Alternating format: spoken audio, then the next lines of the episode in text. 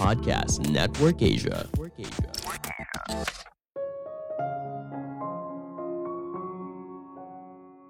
Mimpi tanpa kerja keras tidak akan menghasilkan keajaiban. Halo semuanya, nama saya Michael. Selamat datang di podcast saya, Sikutu Buku. Kali ini saya akan membahas kisah inspiratif dari Jay-Z. Masa kecil sebagai pengedar narkoba tidak mendikte siapa dirinya di masa depan. Kini, Jay merupakan salah satu tokoh hip hop paling berpengaruh di dunia. Bukan cuma sebagai musisi, dia juga merupakan pebisnis yang sukses. Hartanya ditaksir melebihi 1 miliar dolar atau setara dengan 14 triliun rupiah. Sebagai informasi, podcast Kutu Buku sekarang bergabung dengan Podcast Network Asia dan Podmetrics loh. Sebelum kita mulai, buat kalian yang mau support podcast ini agar terus berkarya, caranya gampang banget. Kalian cukup klik follow. Dukungan kalian membantu banget supaya kita bisa rutin posting dan bersama-sama belajar di podcast ini.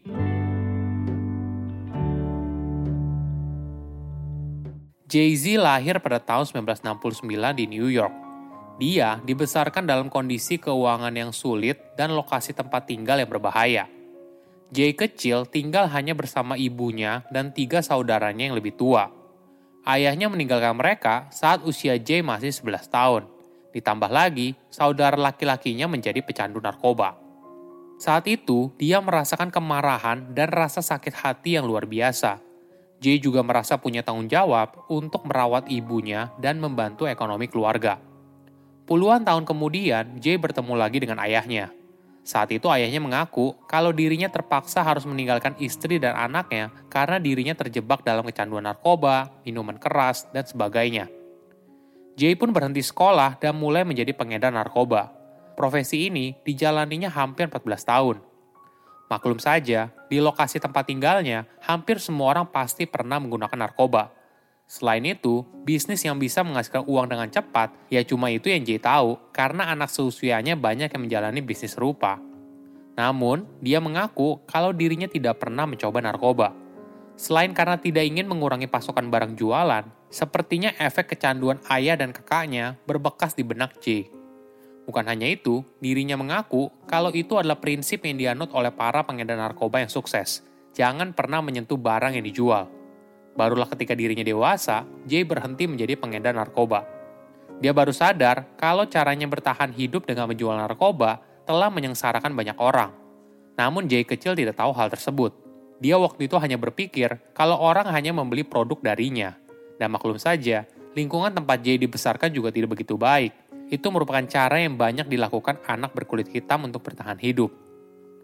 Pada usia 12 tahun, ada sebuah pengalaman yang menakutkan. Saat itu, Jay menembak saudara laki-lakinya di bahu karena dia mencuri cincin Jay.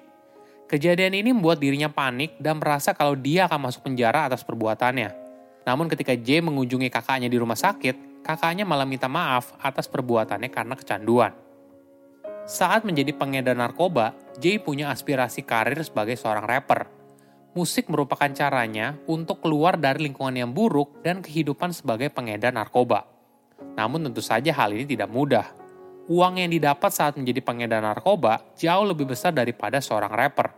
Jay bercerita, dulu ketika mereka datang ke sebuah acara rap, dia dan teman-temannya naik BMW, sedangkan rapper itu hanya naik minivan yang berisi 17 orang. Pada tahun 1992, Jay mengeluarkan single pertamanya, namun dirinya masih jadi pengedar narkoba. Maklum saja, di awal karir menjadi musisi itu tidak mudah. Di tahun awal, Jay tidak berhasil untuk mendapatkan kerjasama dengan label musik. Jadi, dia menggunakan keahlian yang telah diasahnya sebagai pengedar narkoba. Jay memarkir mobilnya di luar toko hotdog yang terkenal, lalu dia dan temannya memutar musik dengan keras. Ketika ada orang yang datang dan bertanya siapa rappernya, dia lalu menjual CD lagunya kepada mereka. Pendekatan ini lama-kelamaan menciptakan komunitas sendiri yang menyukai lagu J, dan perlahan label musik baru mulai melirik. Ada fakta yang menarik. Kadang, J memberitahu ibunya kalau dia mendapatkan uang dari musik, namun tentu saja ibunya tahu yang sebenarnya. J bercerita kalau ibunya tidak terlalu mengekang hidupnya. Dia membiarkan anaknya untuk belajar sendiri dari kehidupan. Selama empat tahun single pertamanya, Jay masih menjalani dua pekerjaan. Barulah ketika dirinya mengeluarkan album pada tahun 1996, dia memutuskan untuk menjadi musisi sepenuhnya.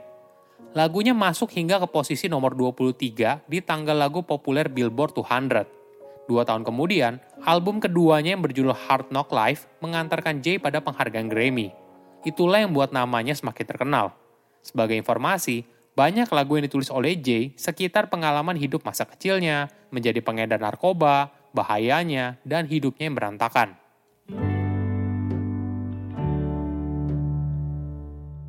Walaupun karir Jay sedang berada dalam posisi yang terus naik, pada tahun 1999 ada sebuah kejadian yang mengubah segalanya. Jay datang ke sebuah klub dengan perasaan marah saat tahu kalau album ketiganya dibajak satu bulan sebelum jadwal peluncuran. Dia menuduh seorang eksekutif label musik yang membajak albumnya. Mereka sempat cekcok hingga Jay menusuk eksekutif tersebut di bagian bahu dan perut. Kejadian ini langsung menyeret dirinya ke penjara. Awalnya, dia merasa kalau dirinya tidak bersalah dan diancam hukuman 15 tahun penjara. Namun akhirnya, Jay mengaku bersalah dan hukumannya diringankan menjadi tiga bulan percobaan. Kejadian ini merupakan pengalaman berharga bagi Jay, betapa rapuhnya kesuksesan dan ketenaran yang dicapai dengan susah payah. Dari situ, Jay terus berkarya hingga namanya dikenal sebagai artis hip hop paling terkenal di dunia. Pada pertengahan tahun 2000-an, Jay mulai mengurangi porsi menjadi musisi dan mulai menjadi pengusaha. Sejak dirinya menjadi presiden dari perusahaan rekaman Def Jam Recordings, Jay mulai mengasah talenta para artis di bawah manajemennya, yaitu Rihanna dan Kanye West. Sementara itu pada tahun 2004, Jay menjadi pemilik parsial dari tim bola basket New Jersey Nets dan pada tahun 2008, dia berhasil memanfaatkan koneksi Def Jam-nya untuk membuat perusahaan hiburan besar yang bernama Rock Nation dan lini pakaian bernama Rockaware. Hingga akhirnya, Jay menjadi seniman dan pengusaha dengan kekayaan mencapai 1 juta dolar atau setara dengan 14 triliun rupiah.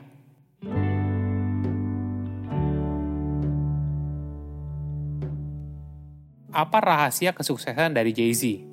Pertama, kerja keras. Masa lalu yang sulit tidak membuat Jay menyerah pada keadaan. Ayahnya meninggalkan mereka, saudaranya terjebak narkoba, hingga akhirnya Jay harus bekerja untuk membantu ekonomi keluarga. Bukan hanya itu, ketika belajar soal bisnis atau musik, dia tidak memiliki pendidikan formal. Jay berusaha belajar dari siapa pun yang dia kenal. Kedua, jangan bicara mimpimu terlalu banyak. Ketika ada orang punya mimpi besar, reaksi kebanyakan orang bukan yang mendukung, malah menjatuhkan. Saat Jay masih merintis karir sebagai rapper, temannya mendapatkan kontrak rekaman dengan label musik. Jay pun ingin mendapatkan kontrak tersebut dan berbagi idenya dengan anggota kru.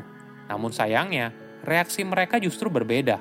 Mereka mengecilkan semangat Jay dan berkata, kalau industri musik hanya memanfaatkan artis dan musisi.